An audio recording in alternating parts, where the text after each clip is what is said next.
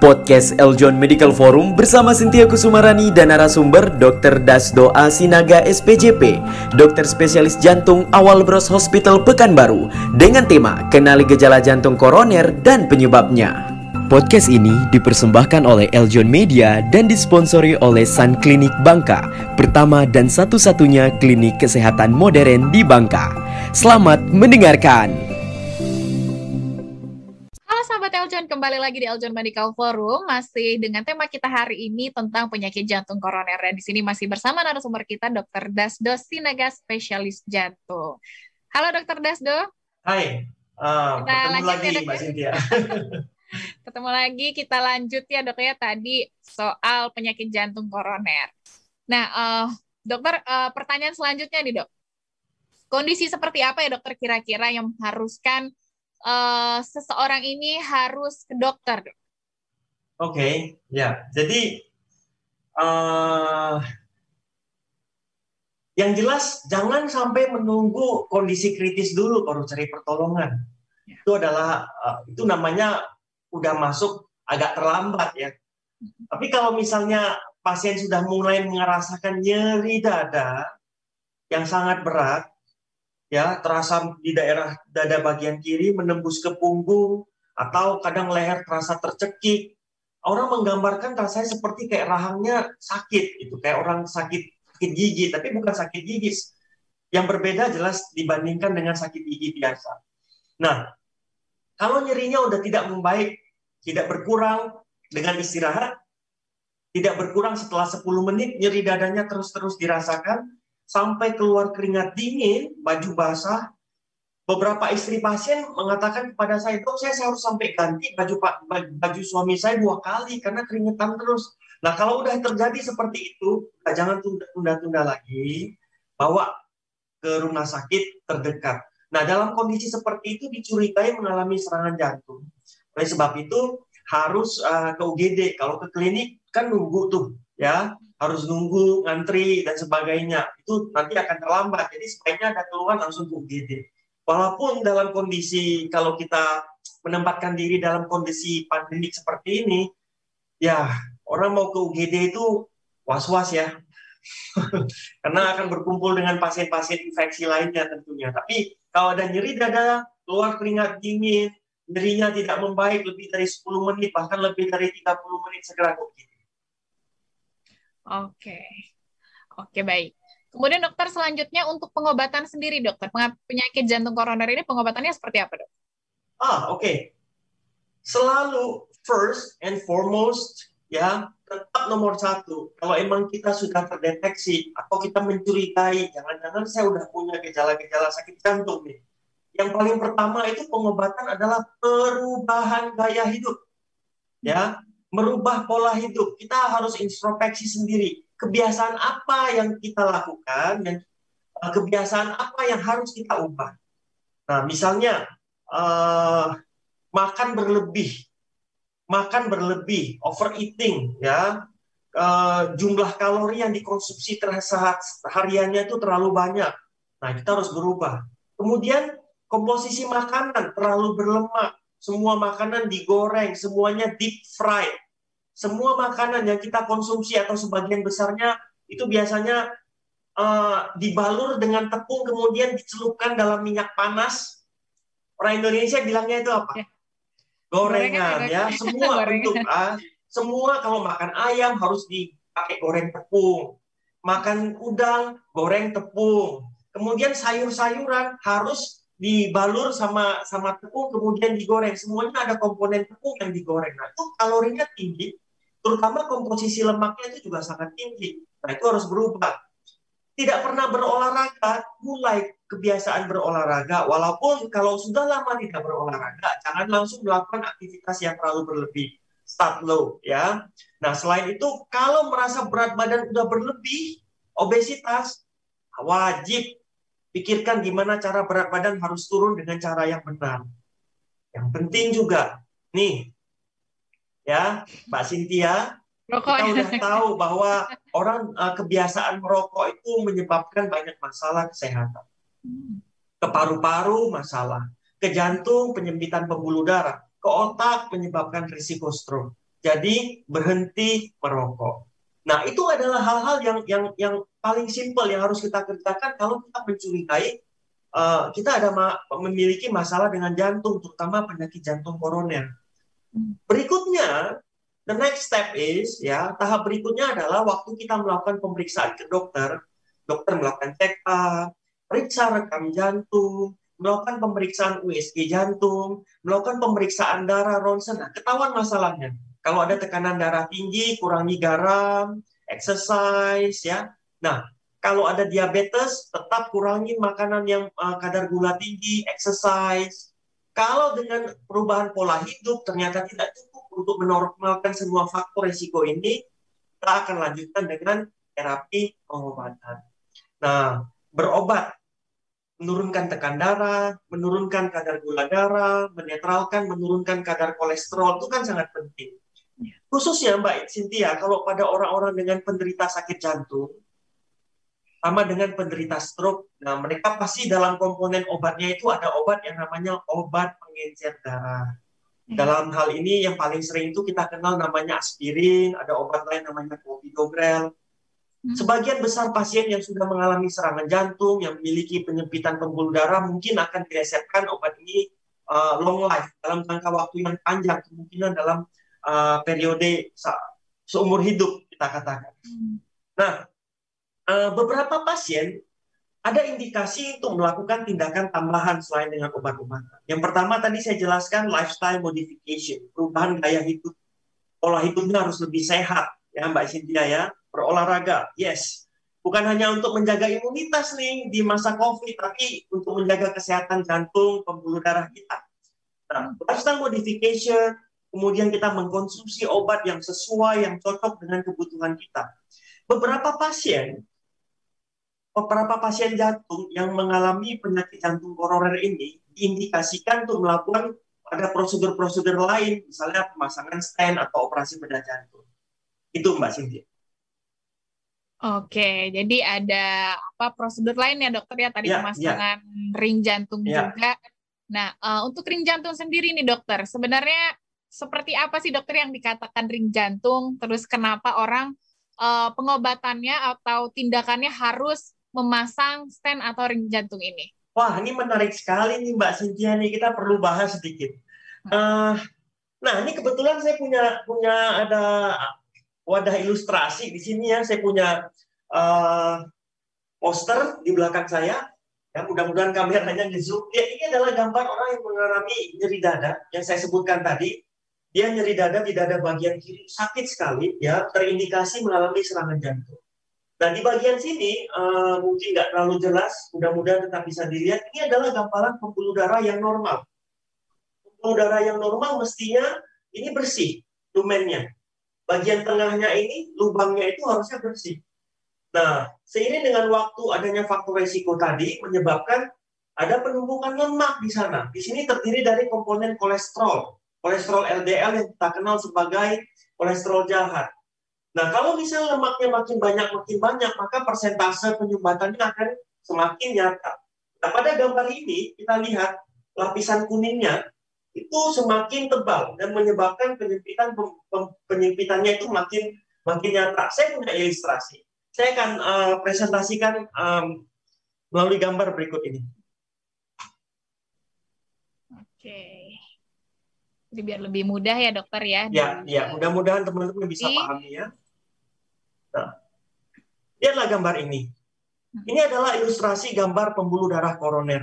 Ya, ini pembuluh darah koroner itu ada tiga cabang yang besar. Ini pembuluh darah yang pointer saya ini pembuluh darah kanan namanya right coronary artery. Kemudian pembuluh darah bagian kiri uh, ada dua cabang besarnya. Nah ini pembuluh darahnya harusnya sehat. Hmm. Kalau tidak sehat, ya maka kalau um, akan terjadi penumpukan plak, plak yang tadi saya sebutkan. Kandungannya itu adalah kolesterol jahat yang teroksidasi, ya dipengaruhi oleh kebiasaan merokok dan kadar gula darah. Nah, ini lemak, ini plak di sini, di sini mungkin uh, komponennya tidak menyempit terlalu nyata, tapi kalau sudah uh, penyempitannya seperti poin yang saya tunjukkan di pointer ini, penyempitannya sudah lebih dari 70%, dan yang seperti ini menimbulkan nyeri dada pada pasien-pasien. Oke, okay. nah Mbak Cynthia tadi nanya, yang kayak apa sih harus pasang uh, tindakan tambahan, prosedur tambahan? Kita dengar ya adanya pemasangan cincin, pemasangan ring. Nah, pemasangan cincin, pemasangan ring ini terutama diindikasikan pada orang yang mengalami serangan jantung.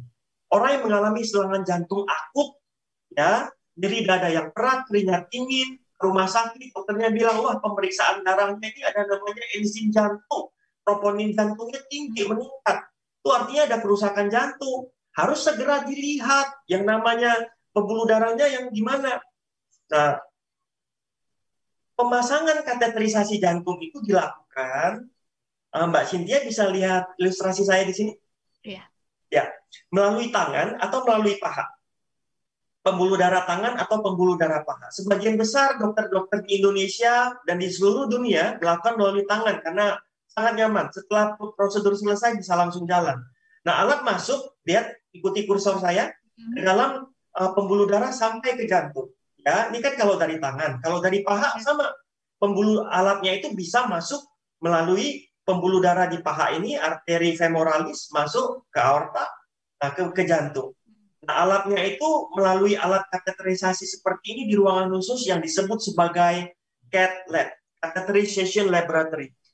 Hmm. Ya. Nah, ini alat ini uh, mena, uh, seperti X-ray akan mengambil gambar yang terlihat di situ. Yeah. Nah, gambarnya itu akan kita bisa identifikasi apakah pembuluh darahnya penyempitannya yang tadi ini, apakah masih normal, penyempitan derajat ringan, derajat sedang, atau derajat berat. Mbak Cynthia dan Bapak Ibu dan seluruh uh, penonton Eljon uh, media Pak pada waktu ini kita lihat di sini. Kalau misalnya kita menemukan sumbatan pelak, kalau kita memasang ring, jadi uh, step-stepnya seperti ini. Jadi alatnya di, setelah dipreparasi, biasanya dibalon, ditiup balon dulu supaya uh, kondisi plaknya itu lebih lembek, ya. Dan alat yang namanya stand atau cincin atau ring itu bisa masuk. Setelah itu ringnya itu akan dikembangkan di pembuluh darah. Nah, setelah dikembangkan, kita maksimalkan supaya ringnya itu benar-benar menempel pada pembuluh darah koroner. Nah, kita lihat bedain gambar nomor satu dan gambar nomor empat jelas ada perbedaan. Aliran darah pada gambar nomor 4 ini tentunya akan lebih nyata. Nah, saya punya gambar, saya punya uh, hal menarik untuk saya bagi pada siang hari ini, um, Mbak Cynthia. Nah, apa itu ring? Saya punya alatnya nih. Nah, saya bisa tunjukkan. Ya, lihat, jelas. Nah, ini kira-kira seperti ini uh, uh, alat yang kita sebut sebagai ring atau cincin itu. Nah, pembuluh darah manusia itu ukurannya ya lebih kurang dua setengah sampai sampai 6 mili.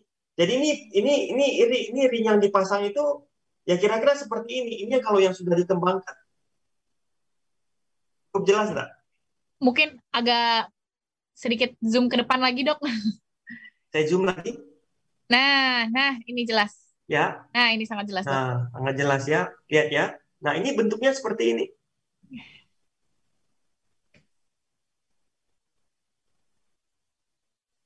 Ya, kelihatan nah, ya? Nih. Ya, ini dok. Nah, oh. ini ini ini lebih kurang seperti ini, ya. Kalau dia udah mengembang seperti ini, kalau dalam kondisi yang belum mengembang, dia ukurannya tentunya lebih penyet. Ini setelah di di di, di zoom. Oke? Okay? Okay. Ya, ini udah ini kalau dia dikembangkan ini kan seperti ini. Ini namanya yang namanya pemasangan ring atau pemasangan stand. Ya, hmm. atau atau sebagian orang menyebutnya ini pemasangan cincin. Ini kalau sudah di, sudah diimplan dalam tubuh akan melekat dalam tubuh dan tidak bisa dilepas lagi seumur hidup. Seumur hidup harus ya? dijaga, iya. Oke, berarti dokter, uh, saya tanyakan lagi tadi proses pemasukannya kan dari tangan ya dokter ya? Iya. Ketika itu ini dimasuk. Oke, ini. Ya, ini alatnya. Ya. ya, ini alatnya ukurannya 120 meter, eh maaf 120 cm, 1,2 meter, ya. Jadi ada dua N, dua lubang. Nah, dari lubang yang satu untuk memasukkan alat-alat ya, kontras juga zat pewarna untuk untuk mewarnai pembuluh darah ini adalah ini adalah bagian yang yang nempel yang masuk ke koroner. Dia lembut sekali. Hmm. Sehingga ini dia tidak traumatik, tidak akan ya tentunya di, di, didesain untuk tidak melukai pembuluh darah. Prosedur kateterisasi dan pemasangan ring cincin ini ya tergolong salah satu prosedur yang yang resikonya cukup rendah, 1 sampai tiga persen. Jadi satu angka satu persen rata-rata resiko prosedurnya. Fine. Oke, baik. Jadi salah satu ya dokter ya ini pengobatan penyakit jantung koroner menggunakan pemasangan stent atau ring jantung. Tapi ya. sebenarnya dokter apakah ada resiko dokter uh, dengan adanya ring nih di tadi di jantung? Ya, uh, yang namanya sebaik-baiknya tentunya ya kita harus sehat, pembuluh darah bersih, sehingga kita nggak perlu dilakukan pemasangan ring lagi. Nah itu yang paling sehat. Tapi kalau kita dalam kondisi kita udah nggak bisa memilih serangan jantung, dalam kondisi serangan jantung ada kalau bahasa medis kita sebut sebagai STEMI. Hmm. STEMI itu ST elevation myocardial infarction itu serangan jantung akut. Itu pembuluh darah secara secara mendadak mengalami penyempitan total. Buntu total tersumbat 100% karena ada gumpalan darah uh, pada pembuluh darah uh, koroner. Ini dalam ini adalah kondisi tertinggi di mana indikasi untuk kateterisasi jantung itu sangat kuat. Nah, kalau sudah hal ini terjadi, serangan jantung ini terjadi, hasil penelitian menunjukkan bahwa tentunya uh, pemasangan ring ini akan memberikan benefit yang jauh lebih besar dibandingkan uh, risiko komplikasi yang bisa terjadi. Yeah. Nah, tetap ya Mbak Cynthia, karena ini ring ini bukan benda original dalam tubuh kita. Sehingga harus dirawat. Merawatnya gimana? Ya tetap hidup sehat dan konsumsi obat pengencer darah dalam jangka waktu yang panjang. Oke baik. Oke oke. Nah kemudian dokter selain pemasangan ring jantung terus tadi ada juga harus dilakukan pembedahan di jantung ya ah, dokter ya? Something different ya. Jadi um, pembedahan itu adalah proses pembedahan. Kalau tadi saya katakan kita kateterisasi jantung, itu pengerjaannya bisa lewat uh, tangan from our wrist ya. Jadi pergelangan tangan ini ada namanya pembuluh darah arteri, arteri radialis itu alat bisa masuk ke dalam jantung ya melalui pembuluh darah. Nah, kalau masih bisa dipasang dilakukan pemasangan stent seperti di gambar ini, pemasangan ring, yaitu juga melalui tangan atau melalui paha. Nah, ada indikasi uh, pengobatan lanjutan dalam kondisi misalnya pembuluh darahnya sumbatannya udah terlalu banyak pada orang-orang yang mengalami diabetes. Pembuluh darahnya udah tersumbat total yang tidak bisa ditembus lagi dengan penggun dengan wire, dengan dengan balon atau dengan uh, stand atau cincin atau ring. Nah, pasien-pasien ini diindikasikan untuk uh, dirujuk menjalankan prosedur operasi bedah jantung. Saya juga punya gambarnya. Kita lihat yuk. Boleh. Boleh, dokter. Oke. Jadi tidak hanya tadi pemasangan ring ya, dokter ya, ya tapi something different ya. Uh, tapi kalau yang pemasangan stand, pemasangan ring atau cincin, cincin ring stand itu itu mengatur pada hal yang sama ini yang saya tunjukin tadi. Nah ini dia. Uh, itu dilakukan oleh dokter spesialis jantung dan pembuluh darah ya beberapa dari kami uh, melanjutkan pendidikan uh, menjadi konsultan kardiologi intervensi. Nah, ini melakukan prosedur pemasangan stent ini. Nah, jadi dilakukan dari tangan atau dari paha. Nah, operasi bedah jantung itu melakukan sesuatu dengan benar truly operasi ya. Jadi hmm. dinding dadanya dibuka, dilakukan oleh surgeon. Kalau tadi kateterisasi dilakukan oleh dokter spesialis jantung dan pembuluh darah. Prosedur ini bedah jantung bypass surgery ya atau open heart surgery dilakukan oleh dokter spesialis uh, bedah toraks kardiovaskular. Jadi memang dinding jantungnya dibuka ya, di, di, di dibuka benar-benar dibuka. Yeah. Kemudian mungkin uh, jantungnya bisa dibiarkan tetap di situ um, on pump atau dikeluarkan. Kemudian misalnya nih lihat gambar sini baik-baik ini pembuluh darah. Daerah yang kuning ini mengalami narrowing atau penyempitan. Nah, kalau pemasangan ring, daerah penyempitan ini dibuka langsung dengan ring atau stent. Kalau dengan bypass, kita membypass, membuat jembatan, membuat aliran darah yang baru. Ini aliran darah baru tadi disambungkan dengan daerah ujung dari pembuluh darah. Sehingga oksigen, darah itu bisa masuk melalui aliran yang original, ya. Tapi karena originalnya alirannya nggak baik, akibat ada penyumbatan, diambil alih oleh jembatan tadi. Nah, aliran darah itu akan uh, menyebabkan jantungnya daerah ujung ini menerima darah lagi. Sama seperti ini. Originalnya adalah seperti saya tunjukkan pada kursor, hmm. karena ada sumbatan, sumbatan total 90%, aliran darahnya tidak adekuat.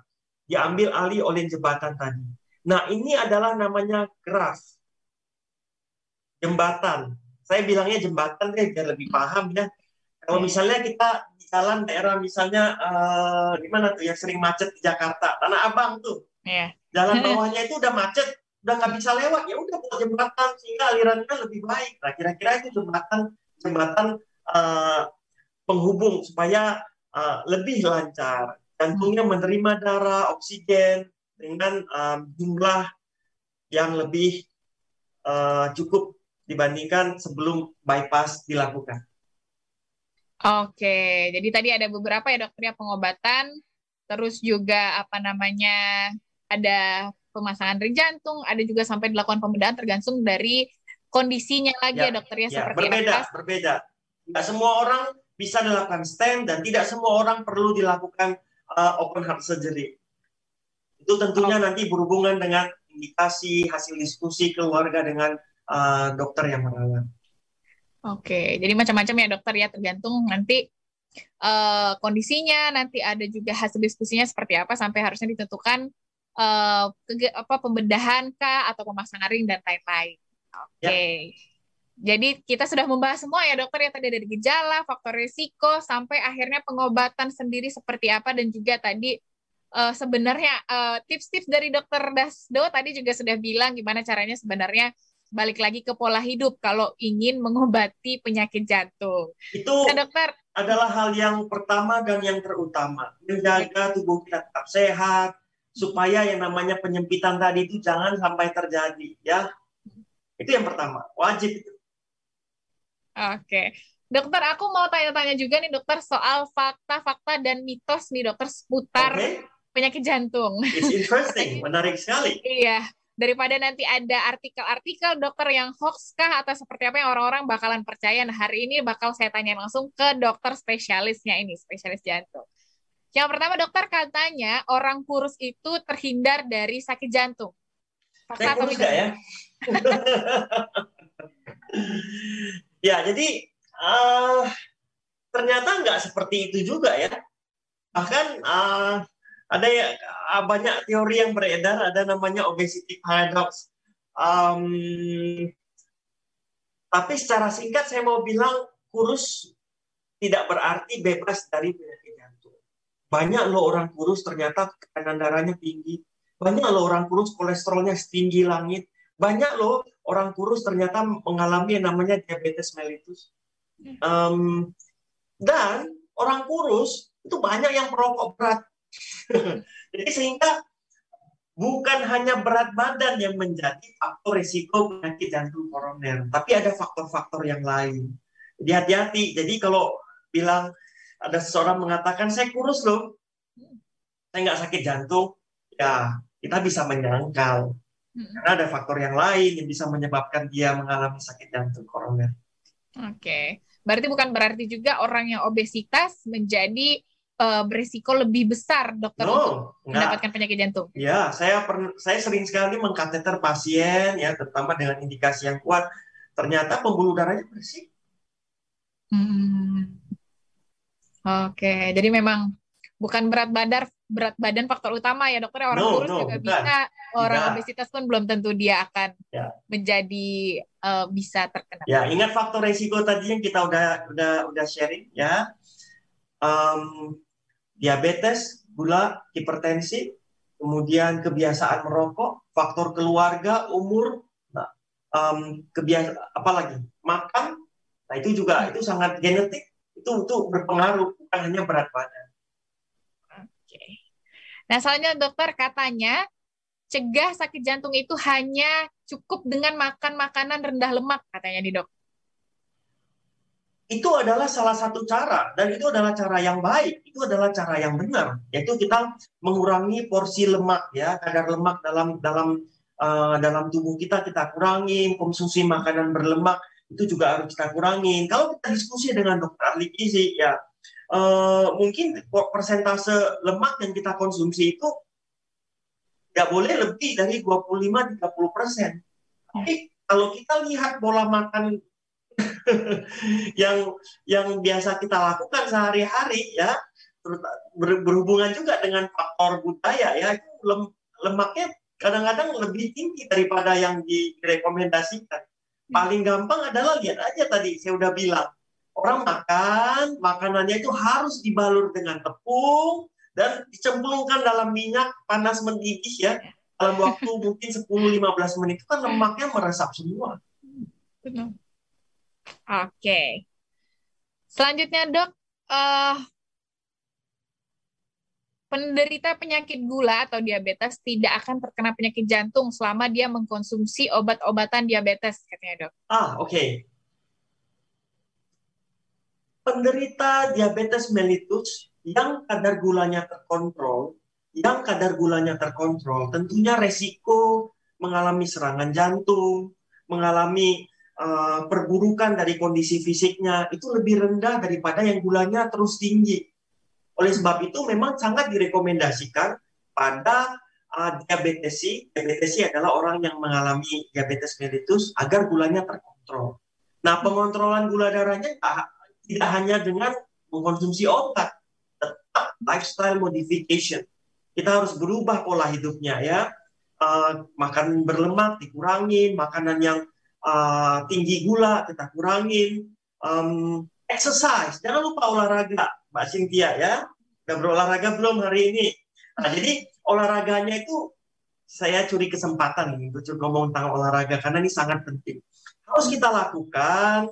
Ini uh, rekomendasi dari ahli, dari dokter jantung, dari asosiasi mana pun mengatakan kita harus berolahraga olah fisik 30 sampai 40 kali ya per per kegiatannya dengan frekuensi minimal 3 sampai 4 kali seminggu. Jadi rata-ratanya 150 menit per minggu.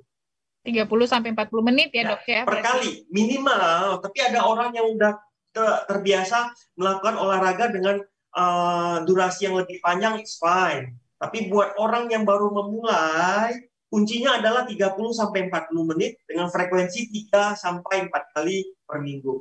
Jangan jadi weekend warrior ya. Mbak Cynthia tahu apa itu weekend warrior? weekend warrior itu adalah orang yang berolahraga hanya di hari weekend. Jadi hmm. kalau di weekend bisa diambil hari Minggu tok atau hari Sabtu tok atau katakan Sabtu dan Minggu itu kan cuma dua kali seminggu. Nah itu kurang. Kita mau minimal empat kali seminggu.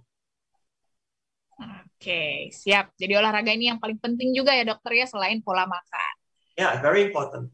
Nah, berkaitan dengan olahraga, dok, katanya orang yang uh, memiliki penyakit jantung berbahaya untuk melakukan olahraga itu. Well, um, buat orang-orang yang sudah terdiagnosa mengalami penyakit jantung, tentunya alangkah lebih baik kalau sebelum memutuskan memilih jenis olahraga, uh, itu berkonsultasi dengan dokter atau berkonsultasi dengan uh, ahli olahraga saya kira juga nggak ada masalah karena kita bisa melakukan penyesuaian. Jadi satu jenis olahraga itu tidak bisa cocok sama semua orang. Dalam hal ini juga tidak semua satu jenis olahraga bisa kita samaratakan buat seluruh penderita sakit jantung. Sakit jantung tuh ada gradasinya juga, ada yang ringan, ada yang sedang, ada yang sangat berat. Nah, contohnya apa? orang yang memang uh, dia mengeluhkan nyeri dada ya saat aktivitas, tapi kemudian udah terkontrol dengan obat-obatan. Nah kita bisa anjurkan untuk melakukan aktivitas olahraga seperti, oh saya boleh sepeda nggak? Boleh silakan sepeda. Saya boleh sejam. Ya kita tes dulu. Ada beberapa pemeriksaan bisa, oke okay, clear bersepeda satu jam. Tapi ada orang yang mengalami serangan jantung yang sangat berat sehingga kemampuan pompa jantungnya sudah sangat rendah ya mungkin kita harus melakukan olahraga yang lebih um, lebih bersahabat terhadap fisiknya. Misalnya jalan pagi, jalan cepat, ya. Uh, kadang-kadang yang kalau memang sesak ya kita cuma yang benar-benar sesak nafas, kita cuma anjurkan yang penting bergerak, jangan mager.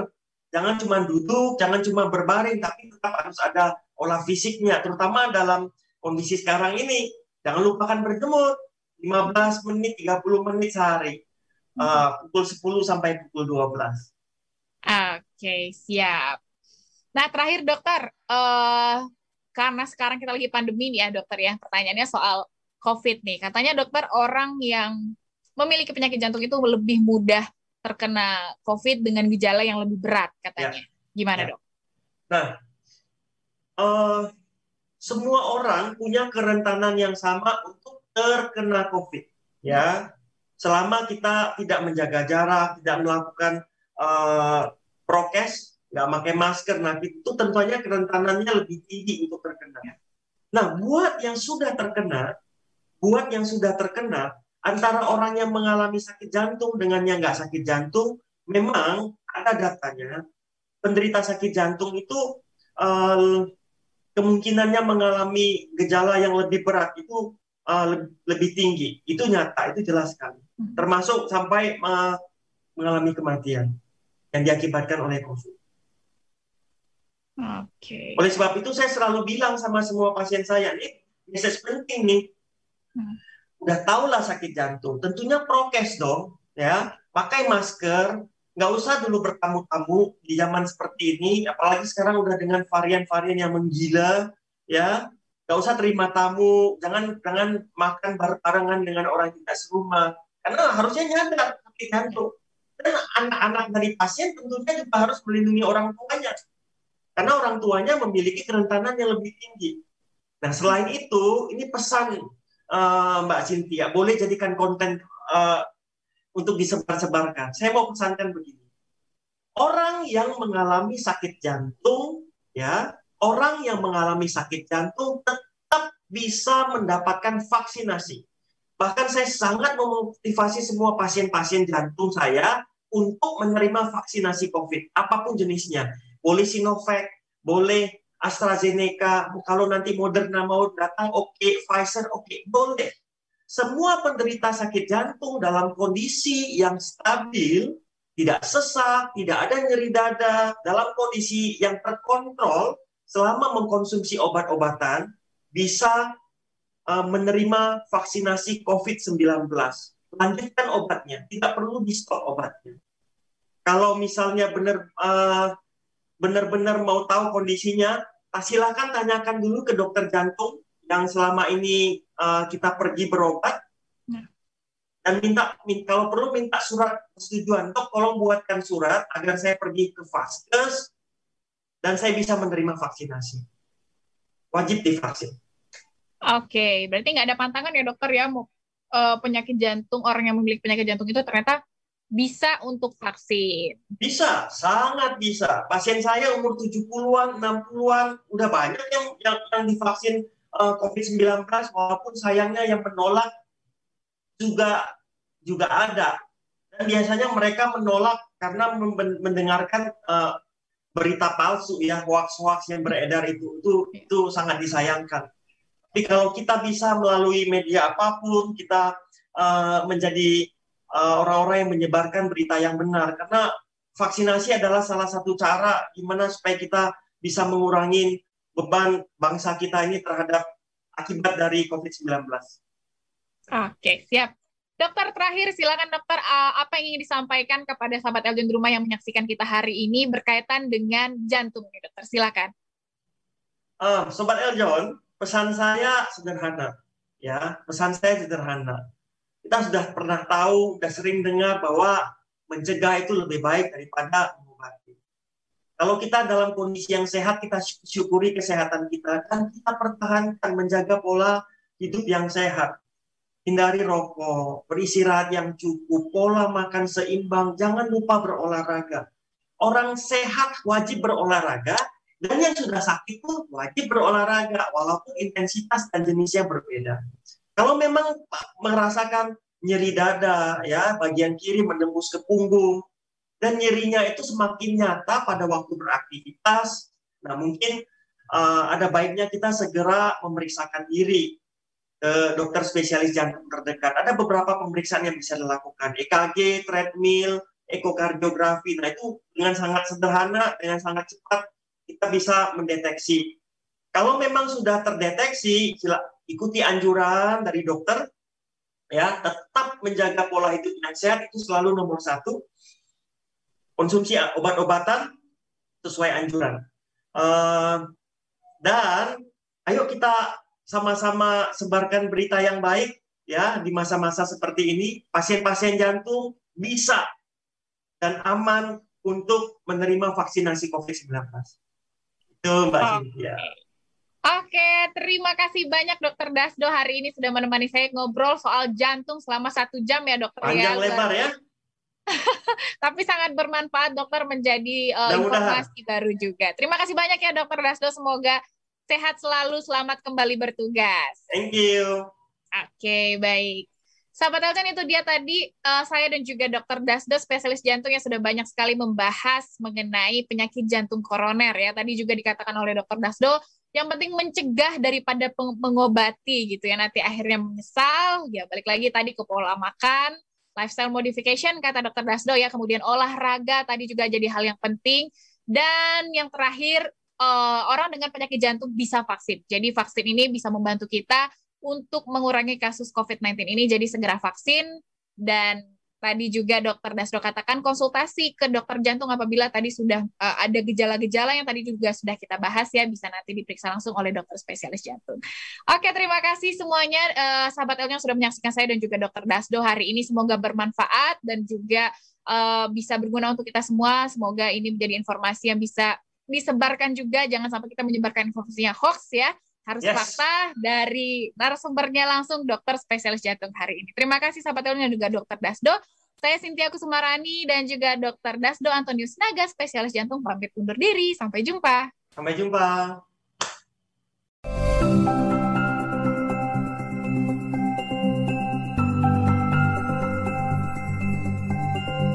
Terima kasih telah mendengarkan podcast Eljon Medical Forum persembahan dari Eljon Media dan disponsori oleh Sun Klinik Bangka, pertama dan satu-satunya klinik kesehatan modern di Bangka. Jangan lupa follow podcast Eljon Medical Forum di Spotify ya.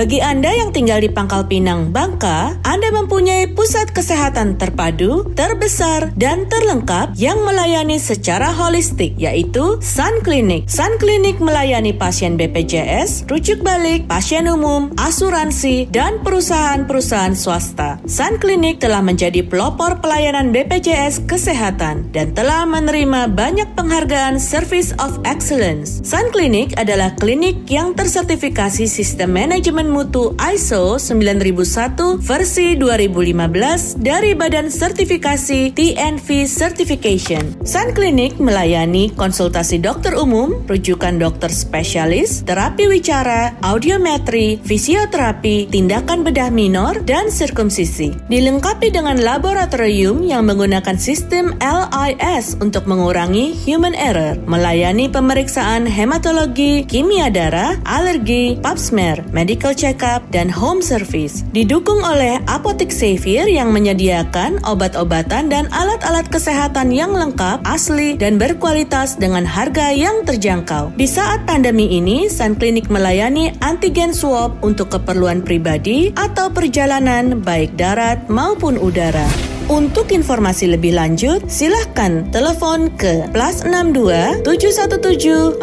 42 97 888 atau WhatsApp ke plus 62 822 60 375 888.